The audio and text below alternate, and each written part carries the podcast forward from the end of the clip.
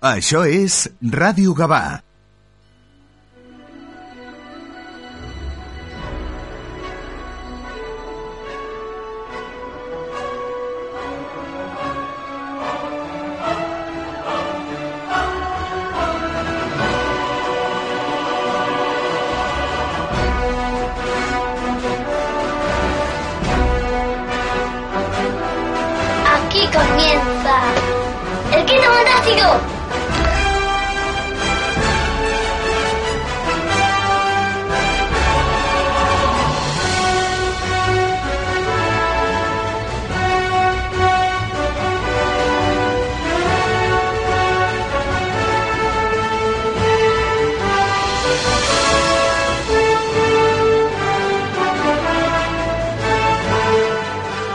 de la mañana y 31 minutos. Muy buenos días y bienvenidos a una nueva edición del Quinto Fantástico, episodio 7 de la octava temporada.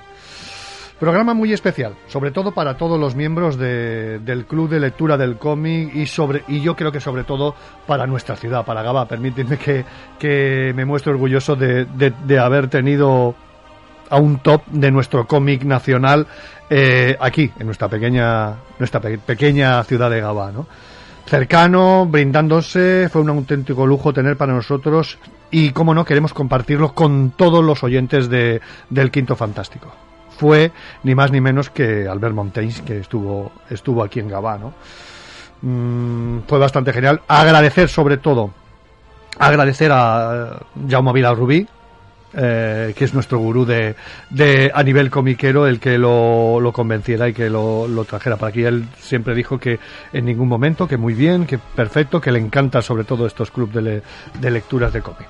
Eh, después haremos paso también a, a, un- a esa sección que ya va, va a estar hasta sobre todo hasta no sé si a lo mejor si, si gusta y demás pues igual estamos hasta final de temporada pero de momento estaremos hasta hasta la inauguración del Salón del Cómic allá por el mes de mayo, bueno, que lo tenemos ya prácticamente aquí cerca, que será la primera semana de la primera semana, la primera fin de semana de, de mayo. Y tendremos esa sección que nos dará a conocer esos 40 años. Intentaremos coger eh, información de los siete años que hemos estado nosotros como el Quinto Fantástico y, como no, cogeremos información de, de esos 40 años, de personas que han estado, en fin, de todo, de, todo un poquito, iremos cogiendo pinceladas, incluso, ah, igual hasta recrearemos entrevistas que, que, que hay en, en revistas adultas, como puede ser el 1984, en, en el Crepi y demás, de artistas, de artistas famosos. Hoy eh, iniciamos ese periplo eh, con una mesa redonda que estuvo genial eh, de, hablando del Joker, allá por el lejano 2015. Creo que fue nuestro primer, nuestro primer programa nuestro bautismo de fuego en, como, como el quinto fantástico allí en, eh, en el salón del cómic. Y cómo no, antes de también hablaremos de, de todas las noticias, de la- todas las noticias que, bueno, de algunas noticias que, que ha habido, que ha habido durante, durante esta semana. Y comen- comenzaremos por el mal despertar que hemos tenido hoy.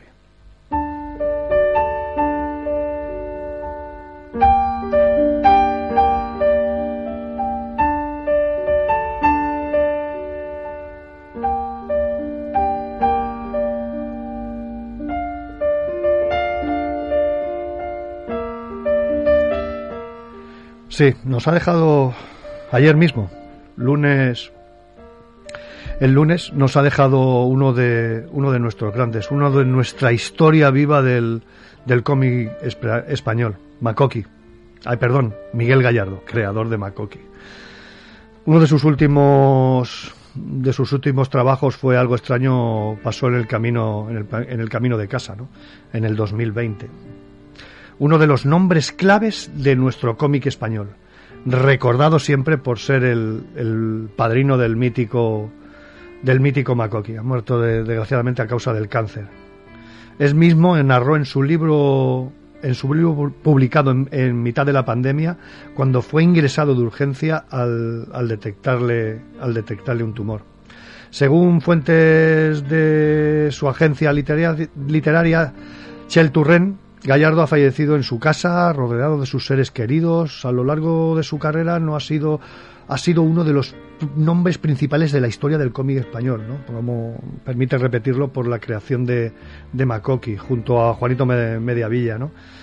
También ha tenido un papel importantísimo en, en el momento más álgido de, de, la revista de la revista Víbora. Era uno de los de los baluartes. No solo, no solo despedimos a uno de los grandes dibujantes. él decía, él decía muchas veces que no era un dibujante, que era un tradujante. No sé exactamente qué, qué, significado tendría esa palabra, ¿no? Sino a lo mejor traducir a través de, de los de los dibujos, ¿no? Traducir imágenes, ¿no?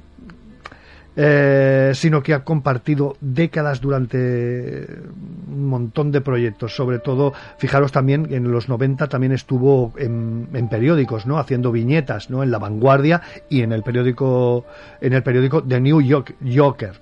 Yorker, no sé si lo he dicho bien. El reconocimiento del gran público, más allá del lector convencional del cómic, llegó super, superada la barrera de cuando ya tenía ya más de 50, con la publicación de una obra muy entrañable, María y yo. Eh, la publicó Astiberri en el 2007. Es una memoria gráfica en la que narra sus aventuras con su hija, su hija María, que es autista. Para ello recibió el Premio Nacional del Cómic de Cataluña y se convirtió este, este, este cómic en uno de los mayores éxitos de venta en España. Se fijaros que se, tradujo a 10 a diez idiomas. María y yo da el salto al cine en formato de documental, se proyectó recibir una nominación a los premios Goya y a un, y a un premio Gaudí. En 2011 publica Un largo silencio, una historia en la que contaba la vida de su padre, un soldado republicano durante la guerra civil. El gran libro de los perros ha, sido su última novela gráfica en el 2014, no, perdón, su antepenúltima. En 2013 recibió un premio gráfico toda su carrera por ser un ilustrador con gran nivel, pero además Gallarnos no solo dibujaba, sino que aparte pues nos contaba todas estas historias que, no, que, nos, han, que nos han llegado que nos han llegado al alma. ¿no? Eh, como he comentado al principio, su último gran trabajo ha sido algo extraño, me pasó eh, Camino de casa en el 2020, un documento gráfico en el que narraba sin pizca de drama todo el proceso que tuvo que vivir cuando le, detectaron y estirparon un tumor, un tumor cerebral en febrero del 2020. Fijaros que en plena pandemia. Vaya. Un, verde. Eh, intentaremos hacer, vamos a ver si podemos hacer un, programa, un programa dedicado, dedicado a Miguel Gallardo porque es un, un auténtico, es un auténtico lujo. Mm, el, el, el que el, haber tenido en, en, nuestra en nuestro panorama nacional a, a Miguel Gallardo. Y yo sobre todo por lo que lo conocí por Macoqui, por la revista eh, la revista Víbora, ha sido uno de los grandes de los grandes lanzadores de, de todo el movimiento underground a través del personaje de Macoqui. Descansa en paz, Miguel. Let's do it.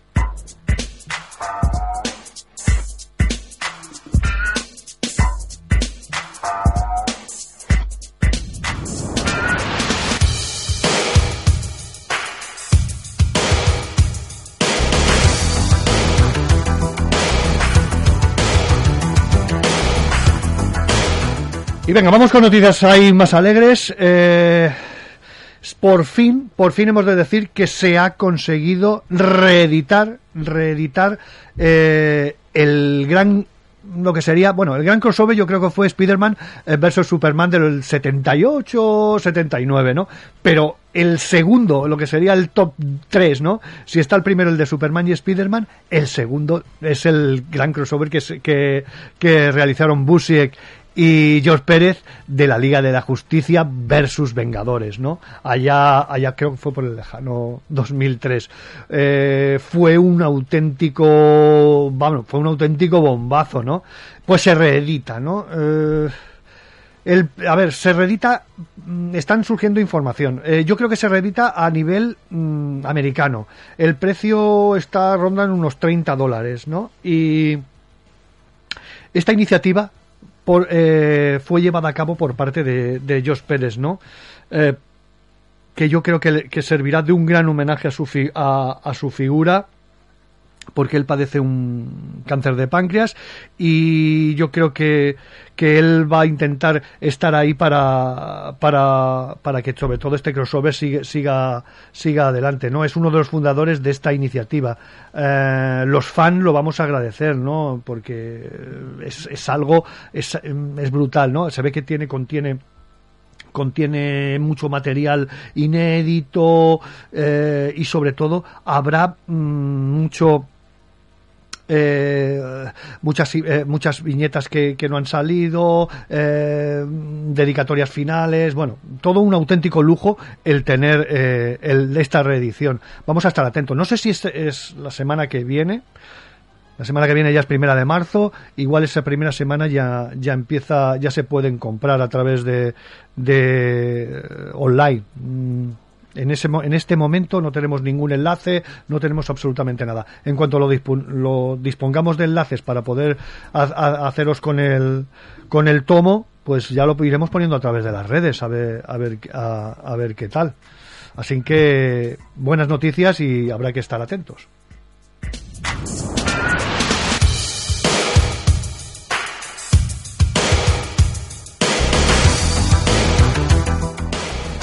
Otra noticia, el 1 de marzo en el AFNAR, el Triángulo, se presenta el libro Karate Kid Cobra Kai. Genial, esto, vamos, después de haber salido la serie y el exitazo que tiene, este libro yo creo que va, va a tener mm, mucho, mucho dar cera, pulir cera, vaya.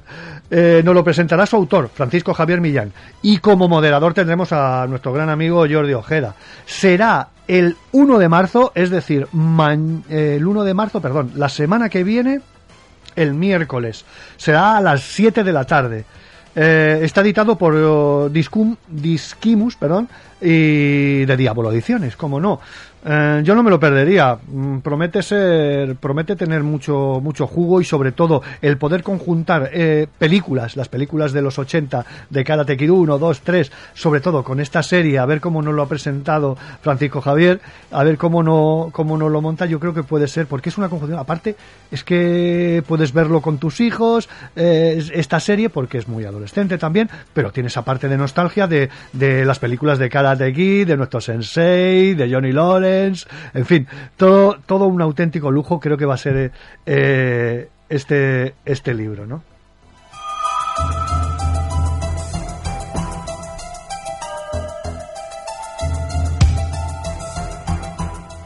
Y sobre todo, y ahora, eh, este, este sí que es este miércoles, presentación de gala. Eh, lo hemos tenido en el programa. Eh, tuvimos a Daniel Díez, tu- tuvimos a Marcos Ordóñez, tuvimos a, tuvimos a, Aitor, eh, que nos hablaron, hicimos aquí una pequeña mesa redonda de aquel, de aquel tebeazo que era, que era el Drácula de Fernando Fernández, ¿no? Pues eh, la presentación oficial será este miércoles eh, en la calle San Lluc, perdón, en la calle Mercader, en el Cer- Cercle Artistis de San Lluc, ¿no? Y contará con la presencia de, del hijo de Fernando Fernández, Héctor Fernández, que es pintor y profesor. Eh, como no, tendremos a Héctor Marcet allí que presentará, que presentará el acto. Daniel Díez, director de la editorial Canter- Carten Comics, que es la editorial, como ya sabéis, de, encargada de la reedición, de la reedición del Drácula. En fin, todo un lujo. Yo, yo me acercaría, yo me acercaría. Yo voy a ver si puedo, puedo intentar estar. Eh, por motivos laborales igual no estoy, pero bueno, voy a ver si puedo cambiar el turno y, y sobre todo pues estar ahí.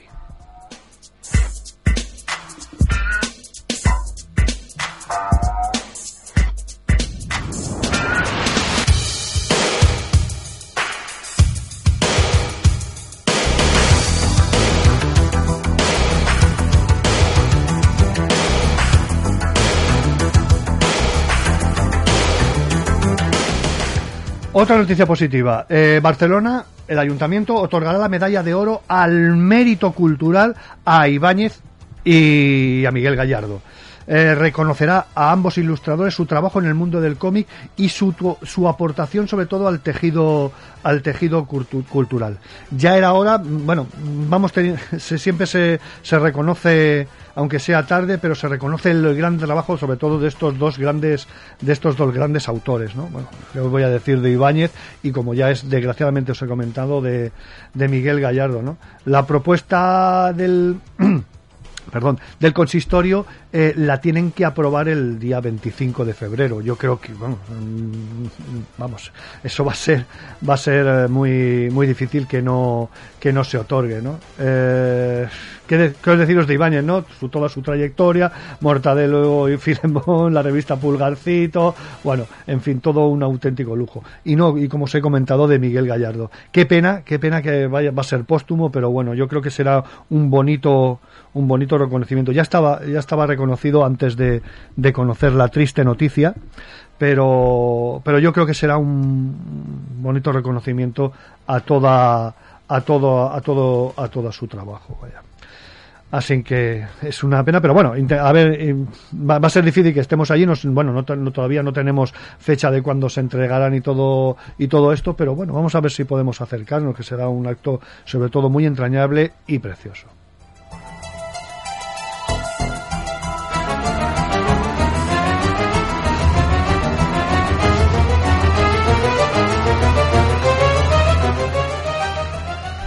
Bueno, y como ya os he comentado, eh, el pasado miércoles tuvimos estuvimos con Albert Montaigne. Muy, tuvimos un tete a tete allí entre los tres, entre Jaume Vilarrubí, yo y Albert.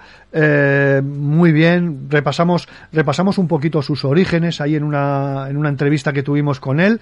Y después, yo creo, mm, no toqué el tema de Matadero 5 para que después todos los miembros del club de lectura del cómic pues pudieran preguntarlo para que no se hiciese, para que no se hiciese se hiciese repetitivo, ¿no?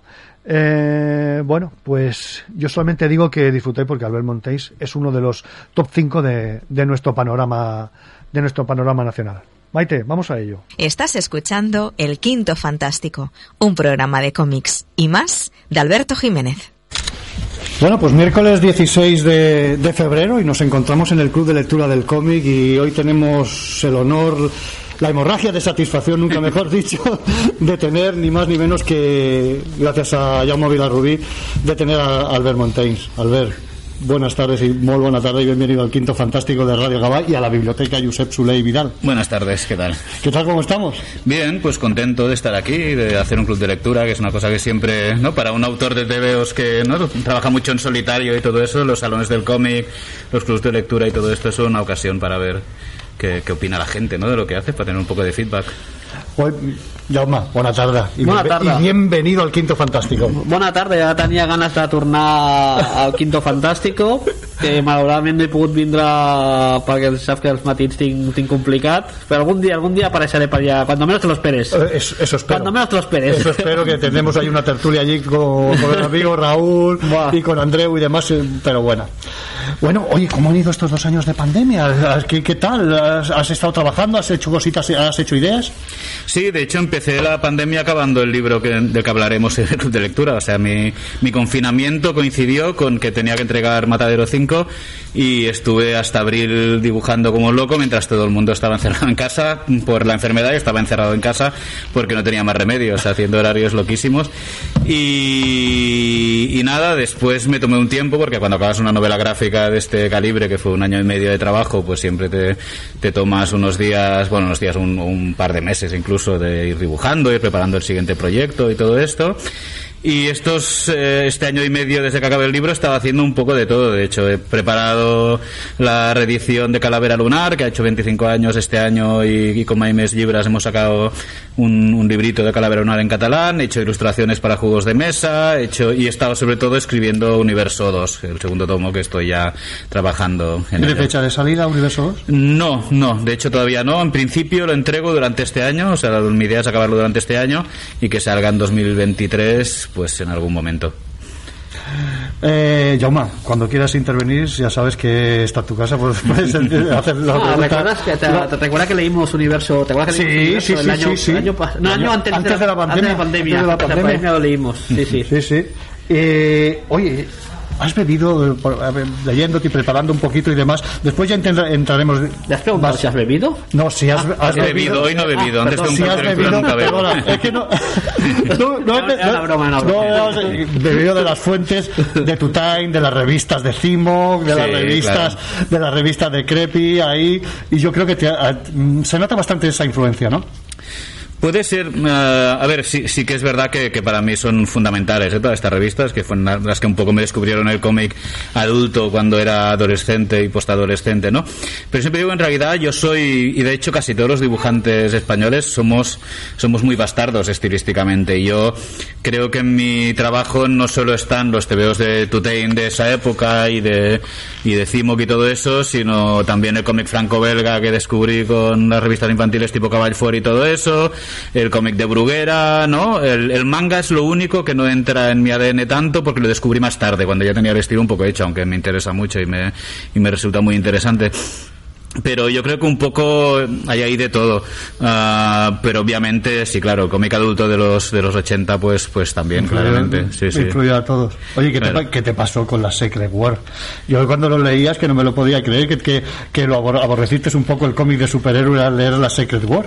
No recuerdo haber dicho esto. Y ahora de hecho las Secret War no llegué a leerlas, ya me pillaron una época en las que no estaba interesadísimo y tal y me parecía de hecho me parecía lo que lo que era Secret Wars que es que básicamente era una, una especie como de, de- estrategia de marketing casi para vender muñacos no pero yo dejé de leer TV a ver yo era muy fan de la masa leí algo de Marvel cuando era pequeño pero pero en este caso por ejemplo cómic americano no no es una de mis principales influencias. Casi que leí más cómic americano en los 90 cuando salió Watchmen cuando salieron Frank Miller y todos estos autores como un poco más interesantes o bueno o, o más o más personales no pero el cómic mainstream americano de los 80 es que prácticamente no lo conozco porque no, no fui nunca un, un gran lector. Y ya te digo incluso Jack Kirby es un gusto adquirido más más adelante sabes sí que tenía algunos tebeos con 10 12 años pero Jack Kirby que es una pequeña obsesión también en mi caso lo, lo descubro casi con 18 20 años y como algo algo del pasado no Pues yo, yo también tengo una anécdota en este sentido, también puedo decir que casi dejé de leer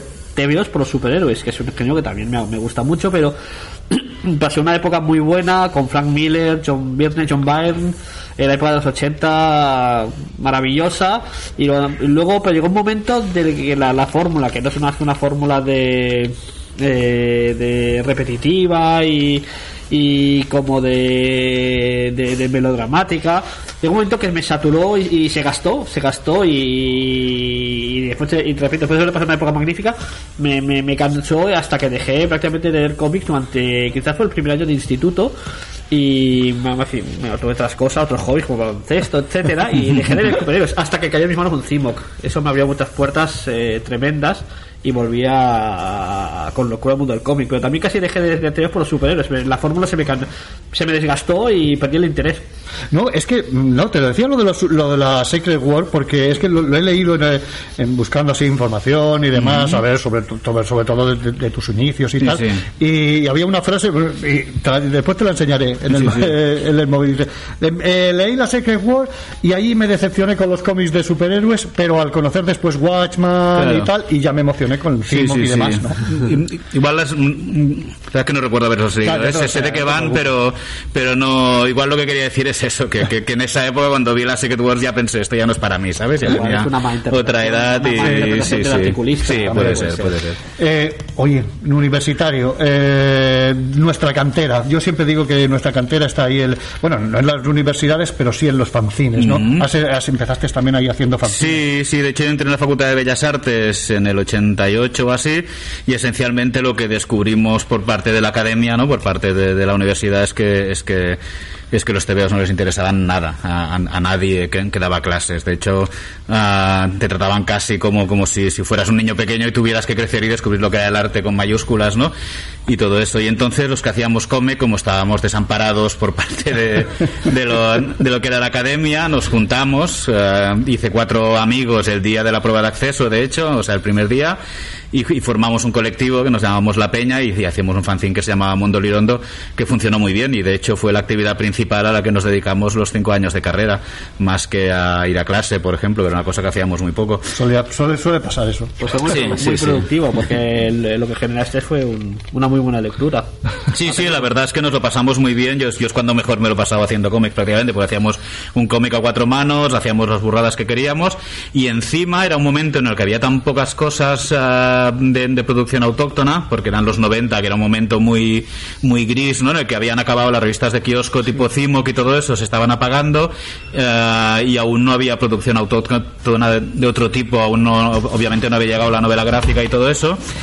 Y, y entonces al haber solo solo eso, ¿no? La, bueno, ediciones Camaleón, que fue un pequeño fenómeno en su momento, eh, la verdad es que funcionó bastante bien, o sea, incluso mm, ganábamos algo para salir después de fiesta con el fanzine, vamos. Mira, fíjate, hablando así del fanzine y demás, en una de las asignaturas pendientes que para mí tiene es, bueno, sin contar los dos años de pandemia, por supuesto, pero yo para mí una de, la- de las cositas que tiene el Salón del Cómic es eh, esa abertura, ese, ese espacio vital, sobre todo para el fanzine, que, que la gente de nuestra cantera, como lo digo yo, que, que tenga su espacio y que sobre todo que sea visible a, a- a la persona que llega con sus hijos con- a disfrutar del salón, que no se arrincone, ¿no? Yo siempre digo que el fanzine es, es importantísimo. Sí, de hecho en el salón siempre ha sido polémica la, la ubicación de los fanzines, ¿no? Que siempre se les tendía como apartar y a darles un espacio casi simbólico y todo eso. Y parece que con la, con la nueva dirección del, del salón se, se ha reconsiderado un poco esto, con lo cual pues es una buena señal, sí, sí. Yo incluso creo en el fanzine no solo como cantera, sino como fin en sí mismo me parece fantástico también, como, como manera de hacer las cosas sin, sin tener que doblegarte, ¿no? A, la, a ningún tipo de condicionante ni de industria, ¿sabes? Yo sé que cuando hacíamos Mundo Lirondo ah, éramos más libres de lo que hemos sido nunca haciendo TVOs, porque hacíamos absolutamente lo que nos daba la gana, ¿no? Al ser autogestionados y todo eso. Oye, ¿cómo llega la oportunidad del jueves? Pues les llevo yo cosas, porque, a ver, yo acabé la, la, la carrera y Bellas Artes, salidas tampoco tiene muchas, eso es verdad, ¿no? Si haces cómic, pues tienes que buscarte la vida. Entonces fui a llevar mi book y hice unos cuantos chistes de estilo jueves, porque era un sitio en el que, de hecho, era el único sitio, yo creo, en el, en que en ese momento se podía vivir de hacer tebeos. Y coincidió con que había desaparecido un dibujante sin entregar sus páginas esa semana.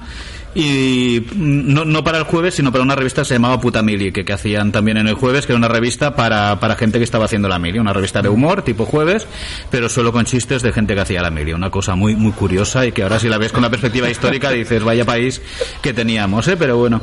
Y, y me dijeron, si mañana a las 9 entregas una página, estás dentro. Y yo, claro, esa noche no dormí.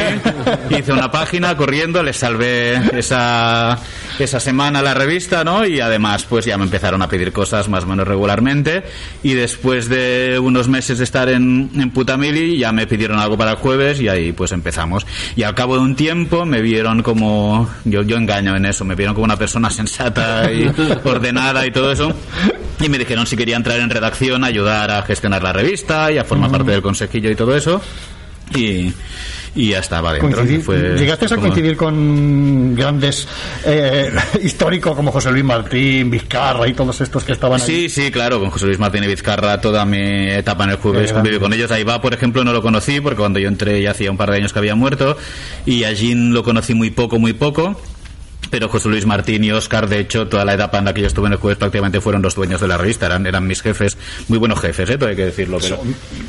Yo lo dudaría que, que yo fueran buenos jefes, porque vamos, a ver, no los conozco en persona como los podéis conocer vosotros y tal, pero bueno, se ve una gente súper maja. Y, Sí, y sí, sí, la verdad es que había un ambiente muy, muy familiar en el jueves. Era una empresa, es que de hecho era una empresa gestionada por dibujantes, lo cual te garantizaba en cierto modo que había ciertas cosas que se entendían mejor, ¿no? Que un editor a secas, ¿no? Esto estaba muy bien. Oye, ¿y cómo te ves en- de repente, de golpe y porrazo, pues te ves ahí como editor, o como, como jefe editor? ¿es? Como director. Como de la director, revista, perdona. sí. Ah, bueno, básicamente era un cargo que no quería nadie. y ahí nos lo íbamos pasando unos a otros porque los dibujantes dirigir cosas no nos gusta mucho.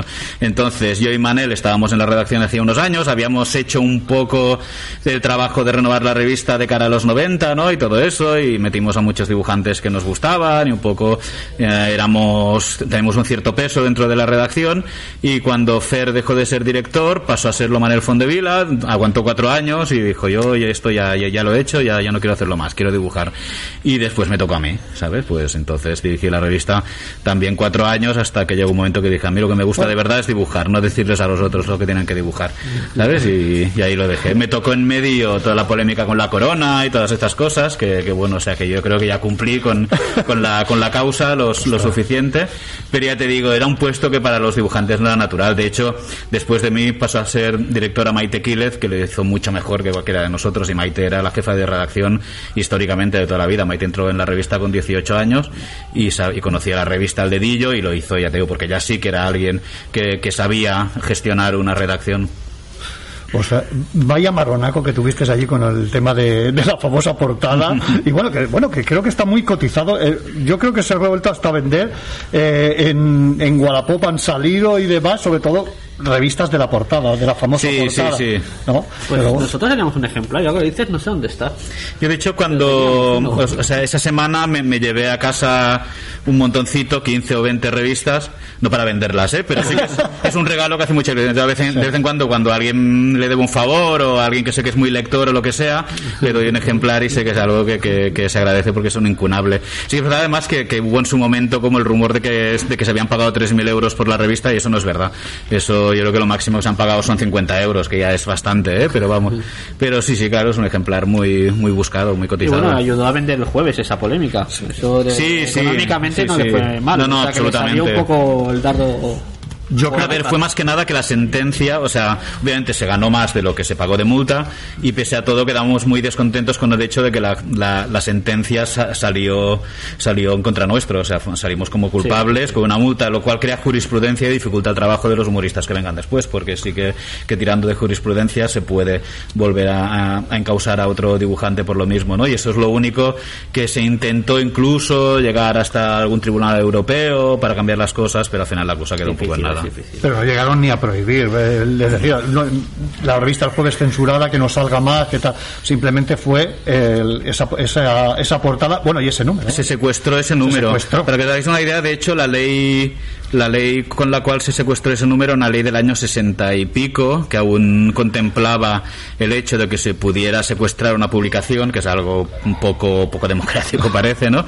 Y, y de hecho era una ley tan antigua que ni tan siquiera tenía en cuenta cómo había avanzado el mundo de la edición y entonces vinieron los policías a pedirnos las planchas de la revista, pero es que ya no hay planchas, de, o sea, las planchas es una cosa que se usaba hasta el año 80 y pico, que eran unas planchas metálicas para imprimir, no si era offset o si era imprenta. Berlanga. Pero claro, Sí, pero, no, no. pero ya en esa época se- se- lo que hacíamos era mandar un PDF a la imprenta y vino la policía que no, de aquí no nos vamos sin las planchas y había- hubo que hacerles un curso, un crash course de, de- de fotomecánica para explicarles cómo se imprimía una revista en el siglo en el siglo XXI, ¿no? Pero bueno, todo muy loco.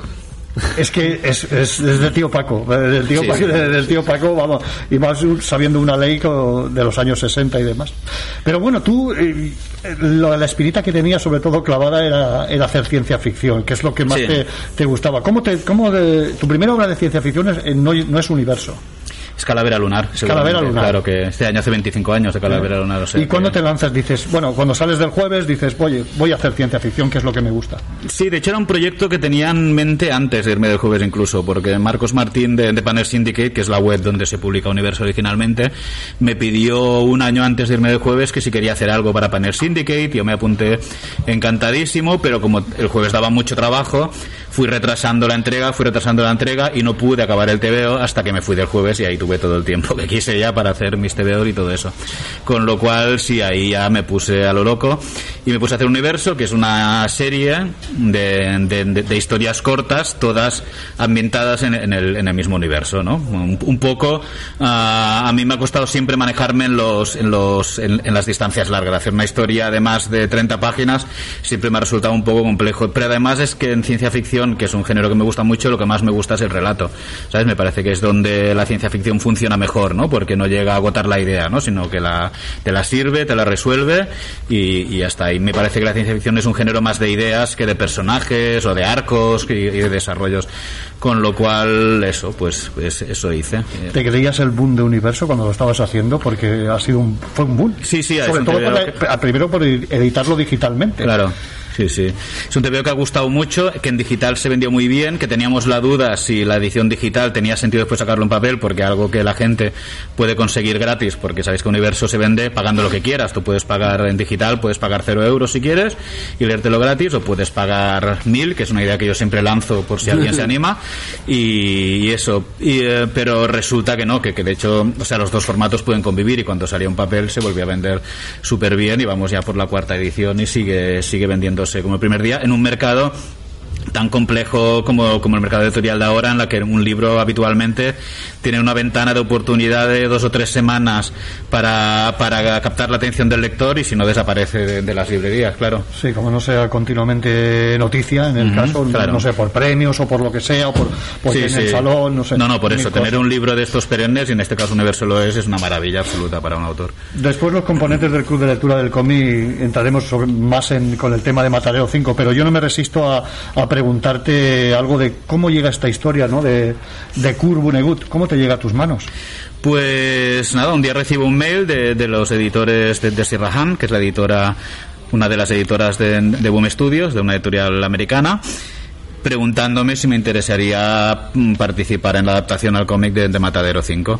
Curiosamente yo había oído ya campanas de que los herederos de Carl Vonnegut estaban buscando a alguien que hiciera adaptaciones de, de su obra al cómic por un amigo que había estado en San Diego y había oído y no sé qué, o sea que yo algo ya me sonaba y claro, coincidió bueno, coincide que, que, que- Matadero 5 es uno de mis libros favoritos y en este caso es cierto, es así, o sea, no, con lo cual, claro, se me pusieron los ojos como, como platos. Pero lo siguiente que les dije es, yo sí, o sea, me, me entusiasmaría, pero yo creo que es un libro que no se puede adaptar, que es un libro muy, con una estructura muy literaria, muy, muy compleja. Y, y me mandaron el guion, pese a todo, me dijeron, bueno, te, te mandamos el guion para que lo veas, a ver qué opinas. Y el guion me pareció fantástico, porque no solo lo adaptaba bien, sino que además utilizaba ah, el lenguaje del cómic, ¿no? Para, para contar la historia como si se contara por primera vez, ¿no? Casi, como si, si originalmente fuera un cómic, casi. Y eso me gustó mucho. Y nada, pues me puse manos a la obra con, con un pánico tremendo, porque Sí, mi sí, reverencia por Vonnegut es, es absoluta, pero, pero bueno. Oye, ahí- ¿qué tal la relación con, con Ryan North? Muy bien, muy bien. La verdad es que es curioso porque hemos hablado casi más durante la promoción del libro que durante la realización. Hostia, pues eso es bueno. Porque, bueno, a ver, en general todo el mundo cree, bueno, y, y muchas veces pasa así, ¿no? Que cuando un dibujante y un guionista hacen un cómic trabajan muy mano a mano, comentándose y tal. En este caso, yo cuando llegué el guion estaba terminado a falta de alguna revisión y alguna cosa. Y, y eso, curiosamente, las ideas de, de Ryan me parecían todas fantásticas y lo que yo añadía, que sí que iba mandando páginas, a él también le parecía estupendo y hemos acabado que, incluso durante la promo del libro cuando nos han, o sea, hay ideas que son de Ryan y la gente cree que son mías, pero hay ideas que son mías y la gente cree que son de Ryan, con lo cual yo creo que sin hablar mucho nos compenetramos muy bien. Después, eh, durante la promo, que sí que hemos hablado bastante más, sí, la verdad es que es un espíritu afín absolutamente, con lo cual es lógico que funcionara todo como la seda. Y ya para acabar, que tenemos aquí a los compañeros de, de Televisión. Eh, tenemos, ya se nos ha abierto esto un poquito. Tenemos Valencia, tenemos Barcelona. ¿Qué, qué cositas? ¿Dónde, ¿Dónde vas a estar? Pues mira, en marzo tengo una pequeña maratón de salones porque viene Valencia el fin de semana del 6, creo. Después está Graf, que también estaré firmando, que es en la Fabra y Coats en Barcelona el fin de semana del 12. Y después Angulem, que ahí no creo que mucha gente de aquí viaje ahí para verme, pero bueno, en Angulem es bueno es el primer año que me invita un editor francés, además, con lo cual estoy contentísimo. Y tengo sitio para dormir relativamente cerca de Angulem, que es un objetivo también muy, muy complicado. Preciado. Y eso, o sea que me vino en marzo fino filipino. Pues, Albert, muchísimas gracias por haber estado Gracias aquí en el, quinto, en el quinto fantástico de Radio Gabá y en especial, sobre todo, a Yauma por haberte traído un poquito antes No, no, para, el, para- el que ha venido. Y... No, pero Bueno, ¿y cómo has traído? O sea, Bueno, bueno, Sí, pero- físicamente en el Claro. coche. Bueno. Y amenazo con aparecer un día el quinto fantástico. el quinto fantástico, te esperamos. Muchísimas gracias, muchas Albert. gracias a ti. Bien, Albert, yo me gustaría saber, sobre todo, a ver, yo no he leído, partiendo de la base de que yo no he leído el libro, ¿no? Pero mm, leyendo el cómic es un, bueno, es que me ha, me ha encantado porque es, es, es un viaje, bueno, es un viaje por distintas etapas, distintas épocas, por ciencia ficción, drama, te ríes, es que lo tiene, to- lo tiene todo, ¿no? Pero me gustaría saber el aporte y sobre todo con lo que hemos hablado antes, ¿no? Que eres un amante del libro de Matadero 5. de- de- ¿Qué habéis aportado eh, vosotros al cómic para que todo el mundo que, que lo lee y que ha leído el libro diga, "Oh, es que lo ha mejorado. Lo ha mejorado, no es una copia, lo ha mejorado. Ah, ya digo, un poco el, el- el punto de partida. Yo creo que cuando haces una adaptación, sobre todo, el respeto a la obra tiene que ser relativo, ¿sabes? Eh, claro, cuando pensamos en adaptaciones que nos gustan o que han trascendido como, como obra singular, no solo como, ¿sabes? Porque todos de pequeños leíamos los clásicos ilustrados, que básicamente era intentar, ¿no? Eh, desde, desde la cosa menos personal posible, intentar trasladar un relato a formato cómic, ¿no? Y que se perdiera lo mínimo por el camino, ¿no? A trasladar las páginas a 32, ¿no? Creo que era eso. Sí, sí, estas cosas. Pero yo siempre pienso más bien, yo que sé, en Blade Runner, por ejemplo, ¿no? Que es una adaptación de un relato que es una obra en sí misma, ¿no? Que, que es una obra que tiene sentido. Y un poco nuestra, nuestra manera de enfocar la adaptación de Vonnegut en este caso, ya te digo, por un lado había una reverencia absoluta y es un libro que tiene una deuda con la verdad, ¿no? Con, la realidad, porque sí que está hablando de gran parte del libro de unos hechos que han pasado en realidad, ¿no? Y, que, y de una experiencia autobiográfica del autor, con lo cual ahí había un respeto mínimo que sé que había que tener. Pero por otro lado tienes que serlo bastante irreverente como para asumir que aquello no es la obra, que aquello es tu versión de la obra y que es una obra aparte, que tiene que poderse leer, ¿no? Y tiene que tener sentido y tener incluso autoría, ¿no? Ah, no solo de, de, de, de Vonnegut como punto de partida, sino Ryan y mía, ¿no? De que, que tenga estas... Y una vez tienes esto claro, ¿no? Es más fácil, pues pues pues empezar pues pues a tenerle la bastante falta de respeto no necesaria como para, para tomar decisiones que quizá no, no son en cuanto a letra no son de Vonnegut pero que en espíritu pues seguramente sí lo sean no cambios que hicimos por ejemplo así los más los más ah, obvios no Ah, en el bueno Vonnegut tenía una especie de alter ego en sus libros que era un autor que se llamaba Kilgur Truth que es que es un un seudónimo, es, un, es, un, es un autor de ciencia ficción fracasado, que, bueno, eh, bueno, no sé si sabéis que empezó siendo autor de ciencia ficción, o sea, sus primeros libros, eh, Las de Titán, eh, Cuna de Gato y todos estos son libros eh, militantemente de ciencia ficción. Él, eso, hay un momento en el que empieza a ser un autor más personal y sigue utilizando tropos de ciencia ficción, pero para contar cosas más distintas. Ah, pero él siempre tuvo un pie en eso, ¿no? Y él era muy amigo de un autor que se llamaba ah, Theodore Sturgeon, no sé si os suena, que es, un autor de estos clásicos de ciencia ficción, que después hizo guiones para Star Trek y para un montón de sitios. Kilgore Truth era una mezcla de Theodore Sturgeon, que era un autor muy bueno, pero que nunca llegó a la fama literaria porque estaba en un género, ¿no? Que era un subgénero, por decirlo así. Y hay un juego de palabras ahí que es ah, Kilgore Truth, que es Kilgore Trucha, ¿no? Y Theodore Sturgeon, que el nombre se parece mucho, y en vez de una trucha es un esturión, ¿no? Pero bueno, es un juego de palabras. Bueno, este personaje, que en, los libros de Vonnegut lo utiliza para contar historias de ciencia ficción, porque Vonnegut siempre decía que, que, los, que las historias de ciencia ficción eran muy chulas, pero que siempre se perdían porque eran demasiado largas, ¿no? Entonces él, en Matadero 5, por ejemplo, cuenta mm, 12 historias de ciencia ficción muy cortas, de un párrafo cada una, y utiliza este personaje para contar estas historias.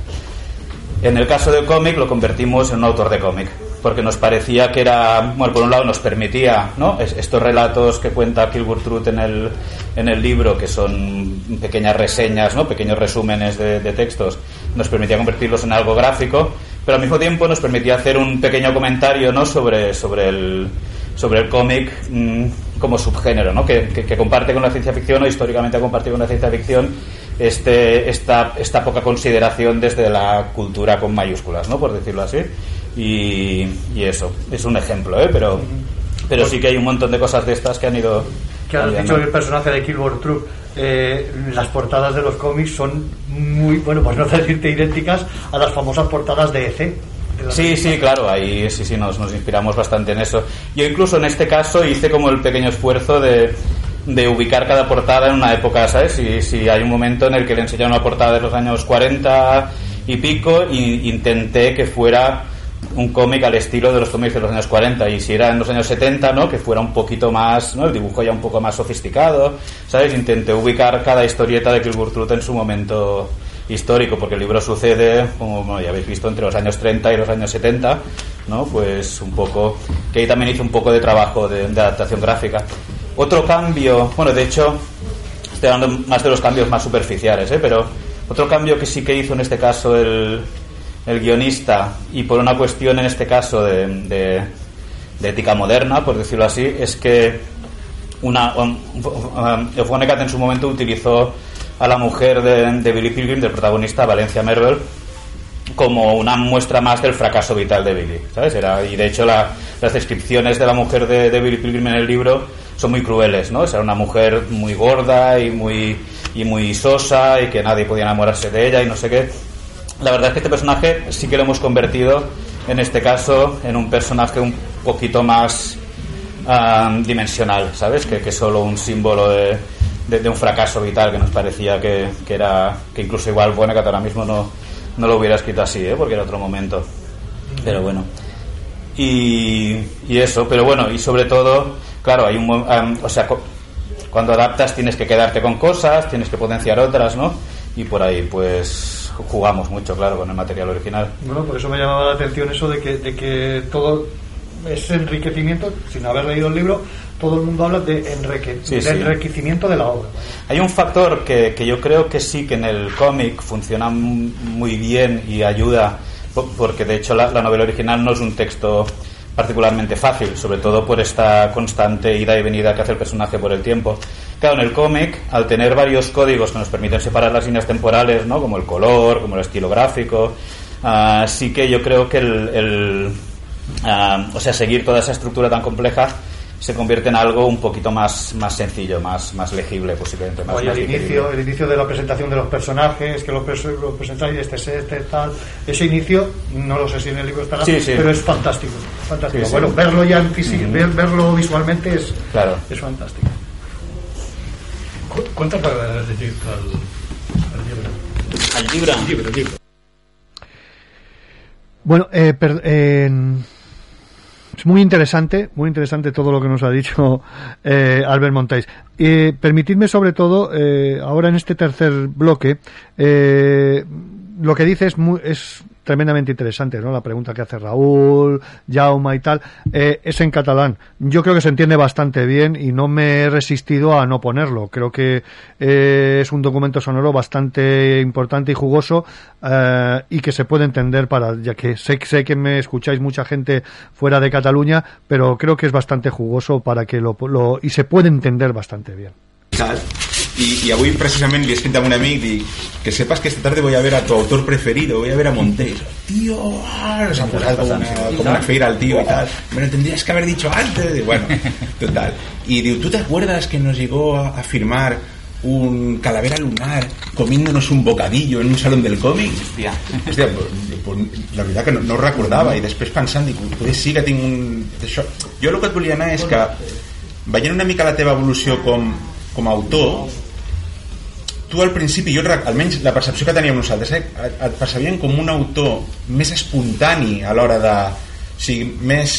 Eh, no, potser aquesta rauja de la joventut, no? De, no de, I ara et, et veig, l'estil que t'estic veient ja des d'Universo i, i, i amb aquest Matadero concretament, és tot com un estil tot molt meditat i tot o sigui, està, es nota que li, li prestes moltíssima atenció al detall o almenys és la sensació que jo tinc eh? I fins i tot hi ha una cosa que ells, no saben que, que és una cosa que tu ja ho explicaràs una paraula que és fonteis. Que, és, que, que a mi m'ha parecido ja el màximo de lo escrupuloso i, lo, bueno, i, el, i el, aquesta obsessió pel detall. I llavors, bueno, jo la pregunta anava ara a fil del que t'estaven demanant és quin és el teu procés creatiu? Com, o sigui, el, el procés tècnic és, sí, t'arriba el guió tal, no sé què, però m'agradaria que ens expliquessis eh, a l'entintat, el color, com decideixes la, les games, molt resumidament, eh, tampoc no, Sí, sí, sí. no una masterclass, però una miqueta... El color, el color és molt guapo. Tio. És que el color... Bueno, jo el color sí, sí que és veritat que, que el considero un, un element més de la narració, diguéssim, no? El color en un còmic no és no, no ha de ser naturalista necessàriament, no? no has de pintar cada cosa del seu color, ni, ni tan sols és per crear un ambient agradable o que sigui, sinó que és un element més de la història, no? amb la qual et serveix, en, en el cas de, de Matadero, per exemple, per separar línies temporals, et serveix per, per transmetre emoció en certa manera, no? et serveix per, per, per una pila de coses, no? per a l'ull per la pàgina, no?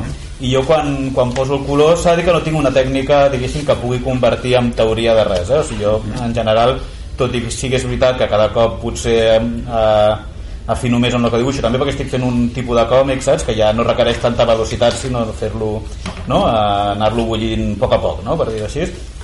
I el color, que tot i que el poso molt per instint, Uh, jo sí que parteixo això de la base, o sigui, a mi sí crec que el còmic, per una qüestió històrica i industrial, té un tipus de color molt particular, no? quan, quan, quan els còmics eren, havien de ser molt barats i s'imprimien amb impremtes molt econòmiques, no? van, van establir un sistema de o sigui, gairebé un codi de color per quatricomies, no? penso en els còmics de Bruguera dels anys 70, de la Marvel, eh, per exemple, o inclús els Lucky Lux eh, i els Asterix antics i tal, eh, que tenen un codi de color molt primari, no? I això, lluny de ser una limitació, en el fons, el que et dona és un, és un llenguatge per explicar coses amb molt pocs colors no? jo si us fixeu sempre jugo amb colors plans i colors molt potents per cada escena no? colors molt dominants sí. perquè em sembla que, que són o sigui, en el còmic tot és llenguatge el, el dibuix és llenguatge, el color és llenguatge tot és, és, és, és gairebé més semblant a, a, lo que era la, l'escriptura egípcia per posar un cas no? en el qual l'important no era que el dibuix fos maco sinó que comuniqués i que expliqués i que guiés cap a algun lloc no? i això és el que tinc sempre al cap que, que el que estic fent quan pinto no és, no és, no és, no és pintar i colorea no és la carn de color carn i el cel de color blau i els arbres de color verd no? sinó que és ajudar que la història s'expliqui no? I, i què pot aportar el color perquè tot això funcioni millor i a partir d'aquí jo sempre dic que a part és veritat, jo creo un estat de pànic constant, saps? O sigui, no, no sé mai el que estic fent, saps? Vas, vas, vas fent, no? El, amb el temps i l'experiència doncs eh, et va donar una sèrie d'eines, no? Que ja les tens incorporades, no? Passa el, no vull ser capaç. No eh? ser capaç. No, no, clar, això em passa sempre. Quan, quan vaig acabar el còmic inclús somiava que no sortia, perquè pensava que era un desastre absolut, saps? Perquè hi ha aquest estat, sobretot quan és una obra tan llarga, hi ha un procés que jo vaig estar un any i mig dibuixant Matadero quan portes clar, el, el primer que fas sobretot és dir, bueno, aquest llibre com l'enfocarem estilísticament, no sé què no? et poses a fer esbossos però al final hi ha un moment que vas a començar a dibuixar i no has arribat a cap conclusió saps? i simplement dius, bueno, pues ja amb el que tinc ara pues tiro, no?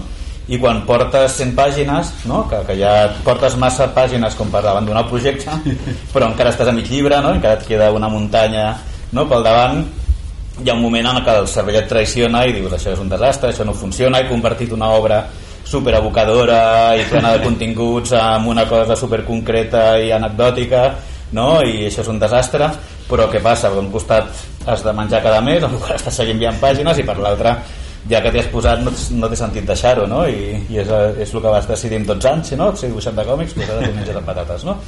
I, i acabes el còmic i afortunadament després surt i els lectors el llegeixen i, i, i el valoren no? si tens sort i llavors tot torna al seu lloc no?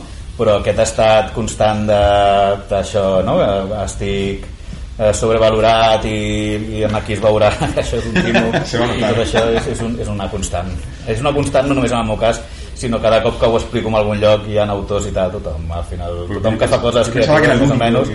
jo de fet que vaig estar molts anys al jueves rebent a la gent que, que portava propostes de sèrie gent que volia treballar a la revista arribava un punt que a més a més establies una relació entre lo humil, entre cometes, que era la gent i lo bona que... O sigui, la gent que venia dient aviam quin dia començo perquè això que us porto és la bomba i no sé què, en general el que feien era un desastre. I en canvi la gent que venia demanant perdó i dient, bueno, és que us, ja sé que té moltes mancances i tal, i la gent que feien coses interessants perquè essencialment aquest estat de pànic sí que et fa ser una mica autocrític i et fa treballar una miqueta més del necessari perquè la cosa al final funcioni no? És una síndrome de l'impostor. Sí, sí, això és constant. T'ha anat en contra és que faig un foto mentrestant sí, sí. Eh, t'ha anat en contra haver d'adaptar una obra d'un autor que per tu era tan estimat, tan admirat o al contrari t'ha ajudat perquè coneixies molt l'obra i entenies aquest esperit més enllà de la lletra jo crec que les dues coses que per un costat hi havia un, un entusiasme no? o sigui, una sensació de dir, ostres, estic fent alguna que si m'ho diuen fa 20 anys que, que, que estaria adaptant a Vonnegut a, a novel·la gràfica i tot això no, no m'ho creuria no? Per un costat hi havia un entusiasme juvenil tremendo i per l'altre costat el pànic aquest pues, eh, jo crec que es va incrementar en certa manera perquè em sentia molt més responsable perquè era algo que, que valorava molt no? o sigui que jo crec que va haver una miqueta de les dues coses tu veus que jo sí que com que ja em conec aquests mecanismes mentals i jo crec que és un consell d'aquests per gent que, que fa TVOs, que escrigui llibres o el que sigui és que has de, has de baixar el volum d'aquestes senyals i tal perquè són, són traïcions que et fas a tu mateix i has de remar, has de tirar endavant jo sempre dic que no s'han de repetir pàgines has de seguir-les fent i acabar el llibre i si al final canvies alguna cosa ja ho veuràs però l'únic que no pots fer és quedar-te paralitzat no? que, que també hi ha molts autors, sobretot joves que els hi passa Jo vaig llegir el llibre, eh, fa molts anys, eh, que ho comentàvem abans, i Mhm. realment la- l'adaptació és, és meravellosa. Gràcies. Lliure al vi, es diu en català, lliure al vi. Eh? Això, vale, vale. És que sabia que, que es deia d'una manera molt particular, però no. I he estat pensant... He no, no. Al final ho has liat. Al final de, de vídeo. Què va passar tots anys? Vas decidir ser autor de còpiques tots anys?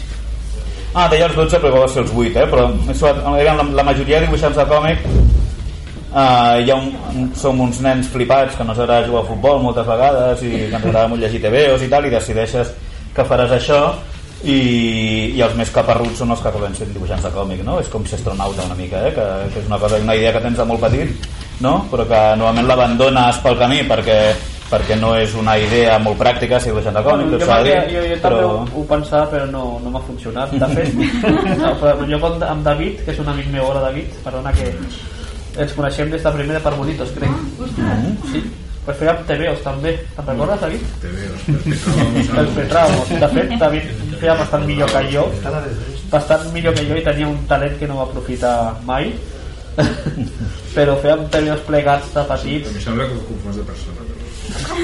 és ell, és ell i de fet a l'institut també feies còmics de personatges de la classe Sí, el que passa és que no sé dibuixar. No sé. bueno, no, però Tenia imaginació i, no, i mai he sabut dibuixar i ara ja no tinc ni imaginació. Sigui. Bé, eh, modèstia a part, eh, no és tot cert el que diu, però sí que és cert que alguns autors, per exemple, fran, fran, bueno, francòfons o dels 90, van demostrar, sobretot les associacions, no que no sapiguessin dibuixar, però que tampoc era tan important el dibuix si la, les coses a dir són molt interessants. És a dir, no cal saber dibuixar... O sigui, no estic dient que no saben dibuixar ni les fan, el Roge, ni molts d'aquests autors, però sí que la, la, si tu eh, el dibuix no de ser tan acadèmic, tan, tan, tan, tan visual, no? que potser la, la, si, si, has si, si ser capaç de simplificar un dibuix també saber dibuixar, no? òbviament, però que és també molt important, si tens coses interessants a dir, potser el dibuix no és tan important com fins ara, no? No sé si... A mi el tema del dibuix al còmic sí, és un tema que em dona molt de sí, perquè essencialment en un còmic les normes que s'apliquen al dibuix acadèmic no, no serveixen, o sigui, hi ha dibuixants eh, acadèmicament són, són fantàstics i són molt mals historiatistes perquè no saben explicar, no, No, saben narrar una narració. saps? Sí, sí. Per, però... i en canvi ha dibuixants molt, amb, amb, que tenen realment molt poques eines però es fan funcionar molt bé perquè el còmic eh, té, té gairebé més que veure amb, amb la senyalètica o amb les infografies o amb, saps? en el qual eh, és, és evident que el dibuix, un bon dibuix no? sí, sí, o sigui, com més eines tinguis millor en tot cas però, però la simplificació no? I, el, i, la, i, el, i ser sintètic o a vegades inclús o sigui, pots, pots fer un còmic fantàstic dibuixant només punts si saps explicar bé la història dibuixant només ninos de pal saps? Uh, perquè la, la manera en, que la, en, en la que absorbeixes les imatges en un còmic no és la mateixa amb, amb la que mires una il·lustració o una pintura evidentment, és una altra història Mira, tu, tu que has fet o fas o has fet molt, molt humor, no? Jo amb els dos tios que m'he tingut més la meva vida amb còmic són uh, l'Ivar i el Ralph Cònic i cap dels dos té un dibuix que, bueno, que molta gent podria dir que no sap dibuixar o no dibuixa bé fins i tot, no?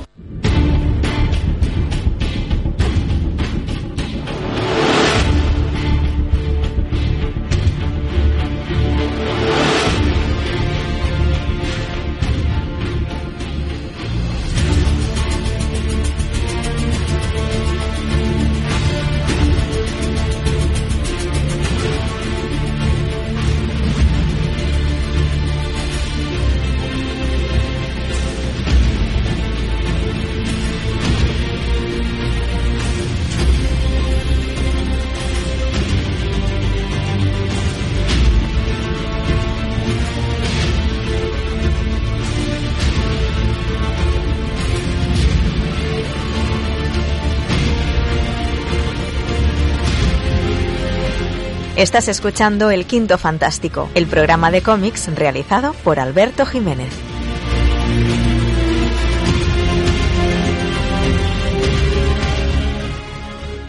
Genial, Albert Montaigne. Un placer haber estado ahí hablando con él y debatiendo de todas sus aventuras, su, toda su trayectoria. Ya prácticamente tiene, tiene 50 años Albert Montaigne.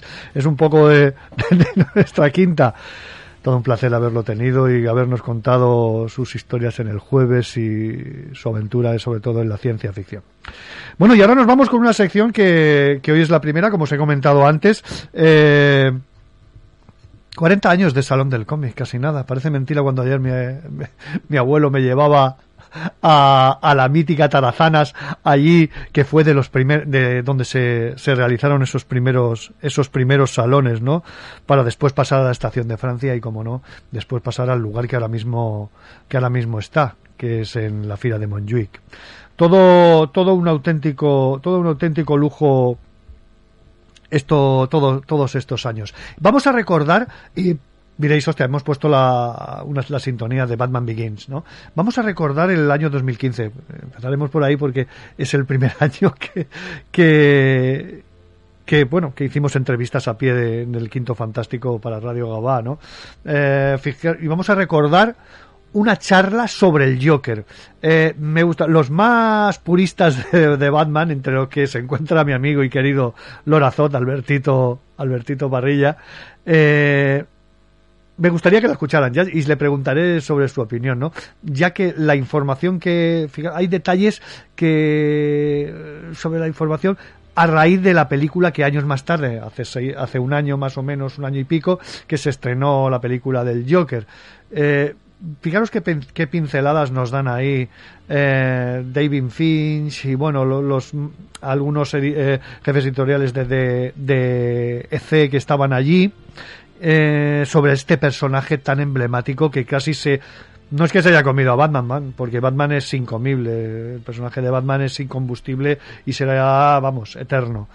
Pero que, que está ahí y que cada vez se le da un, giro a, a, su historia, un giro a su inicio y que cada vez no lo pintan. Desde aquel lejano 1965-66 con aquel Batman de la serie televisiva al Batman, al, al Joker de Nolan y al Joker que hemos visto íntegramente con una película suya, con una gran interpretación de, de Joaquín Fénix, ¿no? Y permitidme decir que en el 2015 teníamos ahí unos invitados espectaculares. Yo aluciné, ¿no? El tener a Milo Manara, José Luis García López, Scott McClough, Barry Kingston, Frederick Peters, David Finch. Y también, fíjate, fijaros qué coincidencia, estuvo también Ryan North eh, el guionista de, de, Matadero 5, ¿no? También hubo una conferencia que nos llamó muchísimo la atención, que, que, no sé si la podré recuperar, no, no sé, no lo sé, con David Salver. ¿Quién es David Salver? Ese era el asesor científico de la serie de televisión Big Bang Theory. En aquel año estaba Big Bang Theory en su máximo apogeo y con unas cuotas de audiencia increíbles. También estuvo Tania Sánchez, que, que charló sobre su gran pasión, Juego de Tronos. ¿Qué deciros de Juego de Tronos? También ha estado ahí un, vamos, eh, ese año estaba en su máxima ebullición. Eh, pero la guinda del salón, la guinda del salón aquel año fue la videoconferencia ni más ni menos con JJ Abrams, ¿no? El director que entregaba lo que sería la, la, primera de la tercera trilogía, ¿no? Del episodio del episodio 7, El despertar de la fuerza, ¿no? Y fue una conferencia, bueno, que a los más Star Warianos pues pues les llenó de bueno fue aquello fue espectacular cuando apareció JJ Abrams allí en una en una videoconferencia pero ya os digo, eh, nos vamos a, vamos a poner esta, esta pequeña charla que hubo eh, sobre la figura del Joker y también sobre la figura de Batman, ¿no? Eh, disculpar el sonido, eh, la, primera, la grabación fue efectuada en móvil y gracias a Maite que está ahí y que nos reconvierte todo, nos lo ha reconvertido, nos lo hemos pasado a MP3 y hemos ganado con un poquito de, hemos ganado un poquito de calidad para poder escucharla. Yo creo que es bastante interesante, ¿no? Y sobre todo mirarla con la perspectiva de que nosotros conocemos el Joker, que se ha estrenado, ya os digo, hace un año y pico, dos años, y fijaros la, la perspectiva que tenían ellos eh, en el 2015. Maite, vamos a ello, venga. Lo que hago es dibujarlo tal y como yo lo concibo en, en mi mente, sin hacer caso y sin que haya aportaciones o influencia eh, por parte de, de, fe. Eh, no me han puesto nunca ninguna pega eh, con ninguna de las distorsiones que he aportado al personaje. A mí me encanta lo de poder agrandarle y estirarle la mandíbula al Joker, hacer que tenga unos dientes enormes, porque me gusta mucho exagerar en la medida de lo, de lo posible. Sé que algunos personajes así no quedan realistas, pero sí creo que al dibujarlos como lo hago transmito lo que para mí es la esencia del, del personaje. Quería, eh, sobre todo pensando en la dentadura, eh, que el Joker se pareciese al Grinch, al personaje de cómo el Grinch eh, robó la, la Navidad, que es un personaje que en un momento determinado sonríe eh, porque acaba de tener una idea terrible y oscura y los dientes eh, parecen como teclas de piano que están sueltas y están a punto de, de soltarse. Bueno, pues yo quería hacer exactamente lo mismo con el Joker. De hecho, si os fijáis, cada vez que Batman le pega un puñetazo al Joker, saltan dientes por todas partes. Y yo quería jugar con esa idea. Quería poder dar mi propia versión del Joker, porque es que hay muchísimas formas de interpretar a este personaje, igual que hay muchísimas formas de interpretar y dar tu, tu propia versión de Batman. Como alborotado, eh, sonríe mucho y tiene los dientes enormes, ¿verdad? Hostia, pues sí, ¿eh? De verdad que es absolutamente increíble. Lo ha sabido muy bien. Muy bien, muy bien, perfecto. No sé, yo creo que, que la evolución del personaje ha sido bastante, bastante peculiar en el sentido de que inicialmente tenía quizás un tono, como las aventuras de Batman en general, un poco más desenfadado, un poco más infantil, por así decirlo, ¿no? que jugaba, se quedaba un poco en la, en la esencia de, de- de lo que es el, el propio payaso, ¿no? el personaje de entretenimiento, para posteriormente ir adquiriendo rasgos más oscuros. Yo creo que eso es un poco con lo que han ido jugando los diferentes artistas que han eh, pasado, por cuyas manos han pasado el Joker. Ese, proceso de jugar con, la imagen eh, aparentemente bondadosa o, o- eh, humorística que tiene un personaje como él, los, los- payasos, ¿no? Eh, para posteriormente revertir ese tipo de concepto que uno tiene de, ellos y orientarlo hacia, hacia el caos y el mal en estado puro como puede ser las actuales versiones que, que podemos leer en los cómics.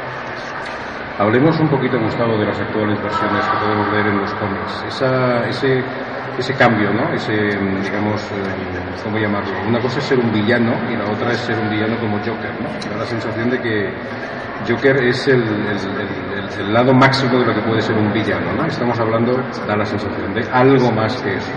Es una persona que puede asesinar sin ningún tipo de remordimiento. Estamos hablando de mm, no de un villano característico o habitual de los cómics de superhéroes. Es muy distinto. Mm, ¿Por qué crees que ha llegado a convertirse en eso? O sea, mm, ¿quién empezó a convertirlo, a reconvertirlo en esto? Bueno, yo siempre he pensado que, que un personaje como Batman, que, su objetivo siempre ha sido traer un poco de orden en, en un mundo caótico, siempre su, su contrapunto, el personaje del Joker, que solo su único objetivo es desandar el caos absoluto y, y- y- y- sin ningún tipo de motivo secundario que, que sea ese. Yo creo que, que el Joker siempre se ha utilizado como un recurso por parte de los guionistas, eh, en un, mientras el personaje de Batman, sus valores, objetivos, su forma de actuar, eh, digamos que en los últimos 30 40 años no ha variado, pero el Joker siempre nos ha demostrado o siempre nos ha mostrado el, en qué tono las historias iban evolucionando. Cuando, cuando el Joker ha sido más violento o cuando el Joker ha sido más retorcido, era, era como eh, es lo que en las últimas décadas ha definido el, el mundo en el que está viviendo el personaje. Y yo creo que, siempre, eh, siempre, van a siempre ha sido el recurso que se ha utilizado para mostrar la crudeza del mundo que tiene que afrontar Batman como, como héroe. La verdad es que no lo sé. Eh, probablemente eh, no. Eh, seguramente haya gente que está haciendo hoy en día en el mundo del TVO personajes aún más eh, pasados de, de vueltas. Yo siempre he concebido al Joker eh, como un tipo que no deja de ser más que un loco, un homicida, al que lo único que le preocupa es asesinar y eh, destruir. Nada más. Es alguien que se entusiasma a la hora de sembrar el caos y se deja llevar.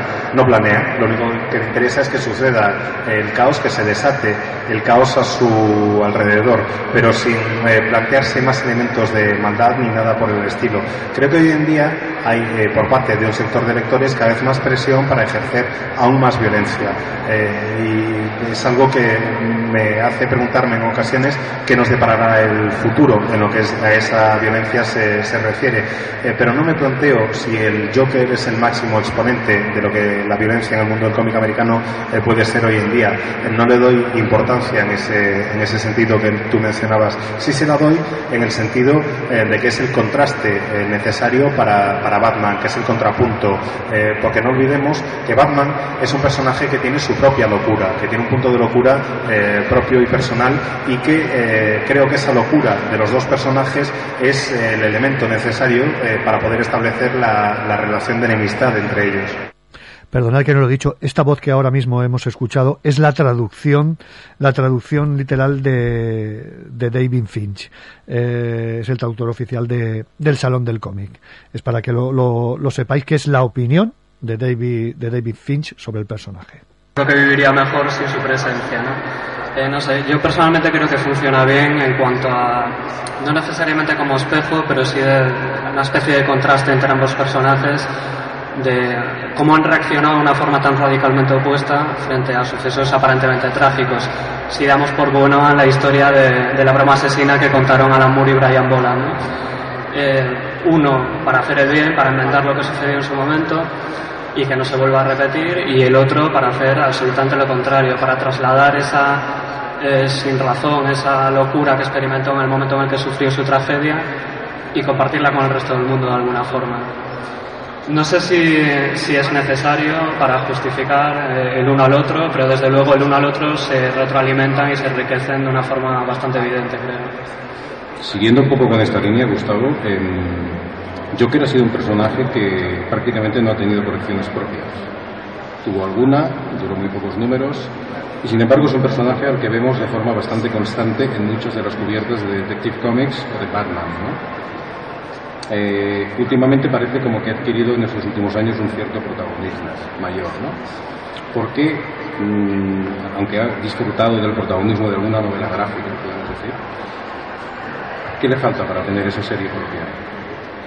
Eh, creo que es algo tan importante como empatía, ¿no? Que el lector se pueda sentir reconocido con el personaje. Es un personaje tan caótico, eh, esa locura desatada, no puede. Es muy difícil. sería, sería como ver una snuff movie.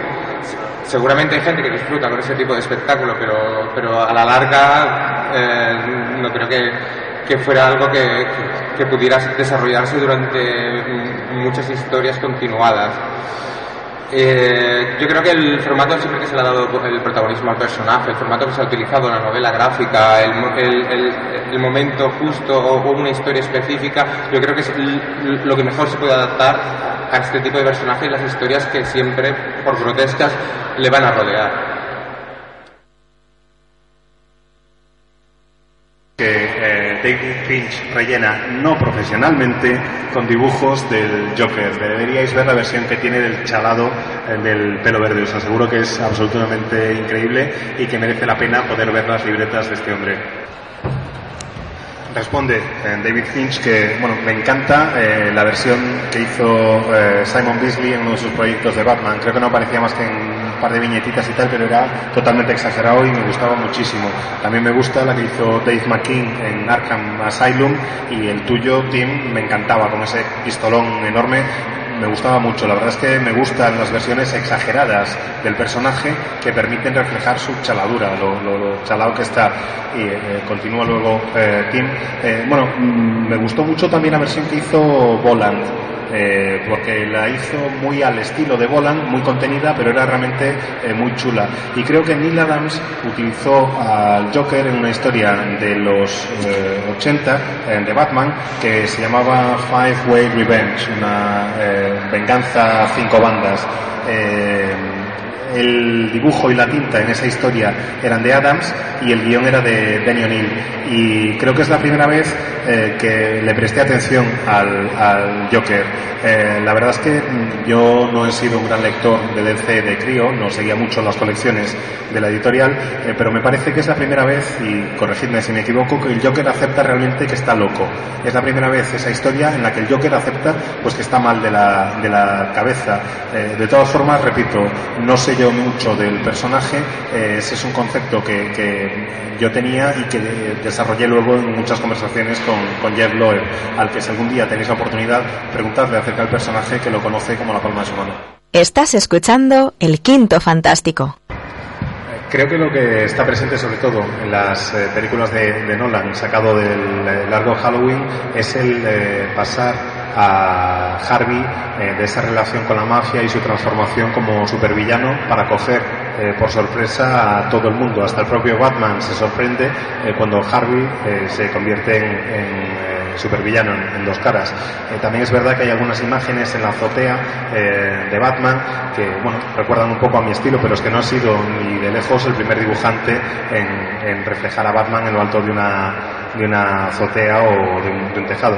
Eh, tengo que reconocer de todas formas que no es que me hayan encantado eh, las pelis de la trilogía de Nolan.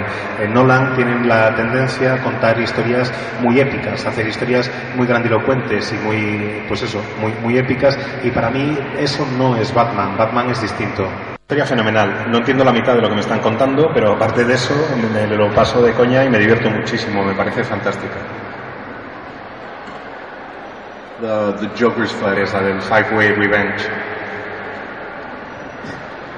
Just to that. Bien. Ahora,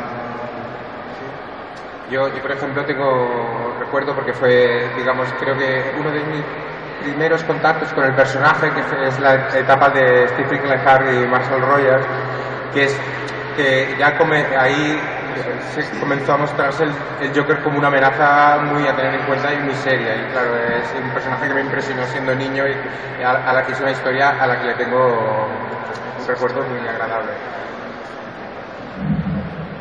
A mí, aparte de, de las historias que, que dibujaba Dick Sprang, que personalmente me parecía que, era, que tenía un toque bastante perturbador, eh, probablemente también Asilo Arkham es, es la obra que, que más me gusta como, como reflejan el personaje. Creo que llevan su locura a un nivel que, que en pocos cómics se, se ha podido ver. Lo hizo de maravilla, lo hizo. Diría también eh, la, la versión de Ledger le odié durante toda la película y de eso se trataba, o sea que lo hizo, lo hizo bien. Eh, si hablamos de traslación del cómic a cualquier otro medio, incluyendo animación, a mí personalmente la que más me gusta es la de la serie de animación de Paul Dini y Bruce Timm. Y, eh, y, bueno, evidentemente Heath Ledger bordó el, el papel. Eh, yo, yo también eh, creo que el papel que hizo Ledger, como interpretó al personaje, es, la, es, la, es el Joker que todos en, en ese momento teníamos en la cabeza. Luego, claro, el, como decía David, eh, eh, esa interpretación que hizo Mark Hamill del Joker en la serie de animación también es, eh, si no es, el, no es mi primer puesto, pero sí es un segundo puesto claramente. Eh, creo que tiene mucho que ver eh, con su relación con Batman, que es un personaje increíblemente popular. Además, el Joker ha tenido la suerte de que ha habido creadores eh, muy buenos que han trabajado con él y que le han permitido adquirir entidad eh, propia. En cuanto a Jared Leto, me encantó en Dallas eh, Buyers Club y creo que hizo un papelón. Eh, reconozco que por raro que suene no le tenía muy controlado antes, pero viendo lo buen actor que es, seguro que lo hace de maravilla. Yo creo que como Batman es un personaje que está, eh, aunque se mantengan una serie de rasgos esenciales, también refleja los diferentes cambios que vive la industria del cómic e, incluso la sociedad. Y, eh, y también uno de sus mayores atractivos yo creo que es precisamente el toque de personalidad que le aportan los diferentes dibujantes eh, por cuyas manos pasan. O sea, realmente si sigues la evolución del personaje te darás cuenta de que ha pasado por diferentes fases y que incluso eh, actualmente en el nuevo universo de DC a lo mejor hay que estar atento. No quiero decir nada más por, por no spoilear, pero realmente pocas cosas hay definitivas en el mundo del cómic. Seguro que pronto llegarán otros dibujantes que ofrecerán una interpretación diferente. Y parte, parte de su gran encanto es ese, creo. Bueno, yo añadiría que la historia de Snyder, eh, lo que, no creo que se trate de una evolución definitiva del personaje hacia llevarlo a un, a un personaje más monstruoso, sino lo que creo que la historia, lo que quería mostrarnos el escritor, era como un hecho eh, que afectaba por primera vez al personaje de Joker, traumático, lo, podía volver aún más peligroso de lo que, de lo que ya era. Y yo creo que era, que era lo que se intentó y, supongo que, que, nadie puede dudar que, que, volveremos a tener mil interpretaciones del Joker, algunas más clásicas, otras más grotescas, pero eh, como comentaba anteriormente, creo que la evolución del personaje irá pareja a, a, los tiempos que vivamos y si vivimos tiempos violentos o, o tiempos más relajados, el personaje será un reflejo de la época en la que vivimos.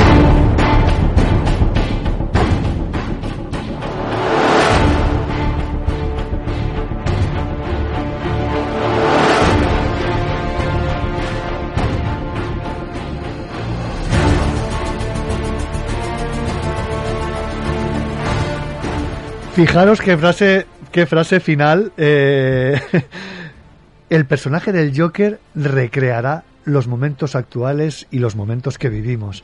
Eh, me gustaría, no, no la, había ahora buscando, buscando los cortes para, para hacer esta sección.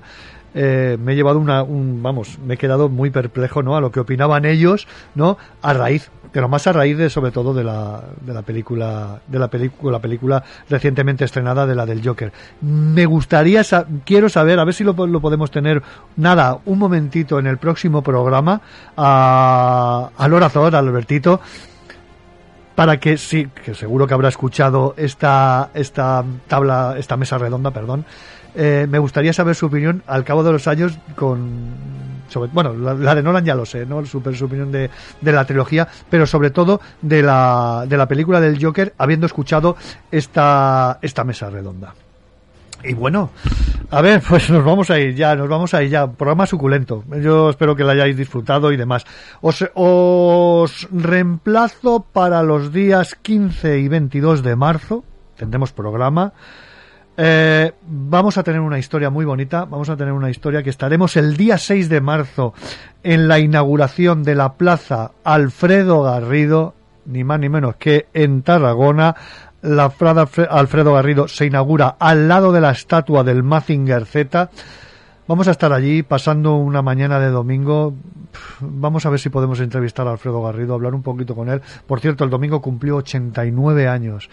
Vamos a ver si podemos hablar, vamos a ver si podemos hablar con los amigos del de, de la Asociación de Amigos de Mazinger Z. Eh, yo creo que puede salir una cosita bastante eh, suculenta, por llamarlo de alguna manera, ¿no? A todos estos nos, nostálgicos de la serie aquella que nos maravilló en marzo del 78. Eh, también, también tendremos a, a Doc Pastor. Vamos a ver si lo tenemos uno, uno de, o el 15 o el 22. Eh, nos habla de una historia que ha tenido, que nada, lleva un mes y medio, dos meses, a partir de Navidad, la, ha editado, que ha sido, eh, eh, es una historia, un sublibro sobre viajes en el tiempo y bueno, nunca te deja indiferente hablar con, con Doc Pastor, por todo lo que aporta al mundo de la cultura pop eh, es, es, incuestionable.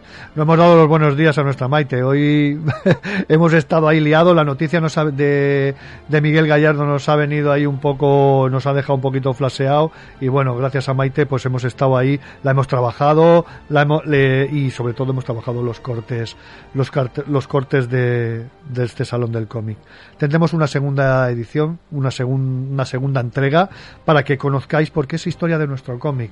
No es porque sea en Barcelona, pero eh, es el salón más antiguo y, creo que hay que seguir tratándolo con un mimo porque viene gente de toda España, eh, nos enriquece a todos el venir. Y este y sobre todo la edición de este año, al ser los 40 años, después de dos años de pandemia que no hemos tenido contacto, yo creo que puede ser una trubada de todos los amigos comiqueros. Va a ser muy entrañable. Yo creo, no sé, igual a lo mejor las expectativas después te, te, te, van todas al traste, pero yo creo que este año el Salón del Cómic de Barcelona va a ser, o Comic Barcelona, como quieren llamarlo ahora, eh, yo creo que va a ser muy entrañable. Nos vamos a encontrar muchísima gente que hace mucho tiempo que no nos vemos y con ganas de, de hablar, de reírnos y de pasar una, un, un ratito muy, muy majo esos tres días que estaremos en el, en el Salón del Cómic. Y bueno, ya no se me olvida, ya no se me olvida nada más. Simplemente deciros que espero que hayáis disfrutado del programa. Y, os emplazo, sobre todo, bueno, si queréis venir el día 6 de marzo allá a Tarragona, a la estatua del Mazinger Z, va a ser una cosa muy entrañable. Y si no, pues el 15, yo creo que será el 15, emitiré todas las entrevistas que, que allí se hayan realizado y espero que lo podáis, que lo podáis, y a ver si podemos hablar con Alfredo Garrido. Me hace muchísima ilusión. No sabéis hasta cuánto. Y espero que la, podáis disfrutar. Bueno, pues nada. ¿Queréis un, leer un cómic por la radio? Ya sabéis cuál es vuestro programa el quinto fantástico de Radio Gabá, agradecer a Maite, a todos los componentes de, Radio Gabá, el poder realizar este programa. Gracias y hasta el mes que viene. Próximo programa, amiguitos, y no olviden supervitaminarse y mineralizarse.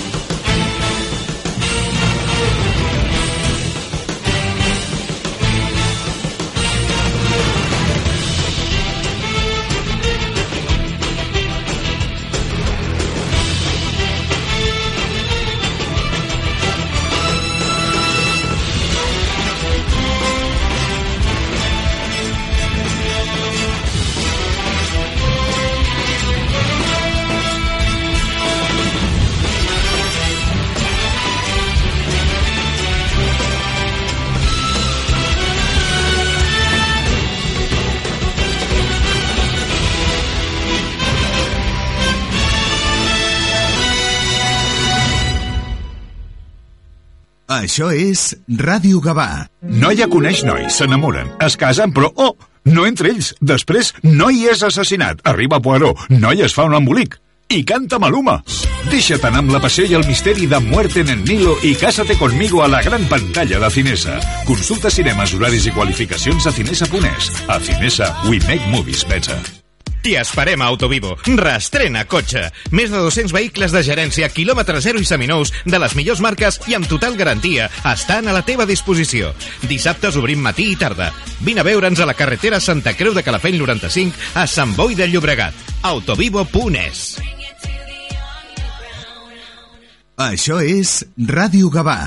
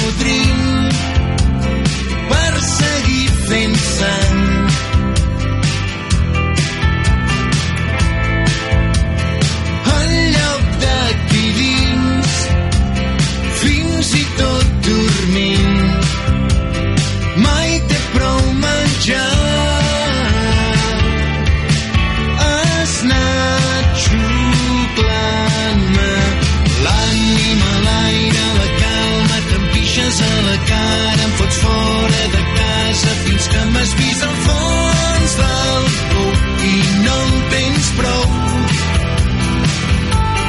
M'ho has pres tot, els lligams, la canalla, fins l'última rialla, els miralls, on mirar-me per veure'm amb la sort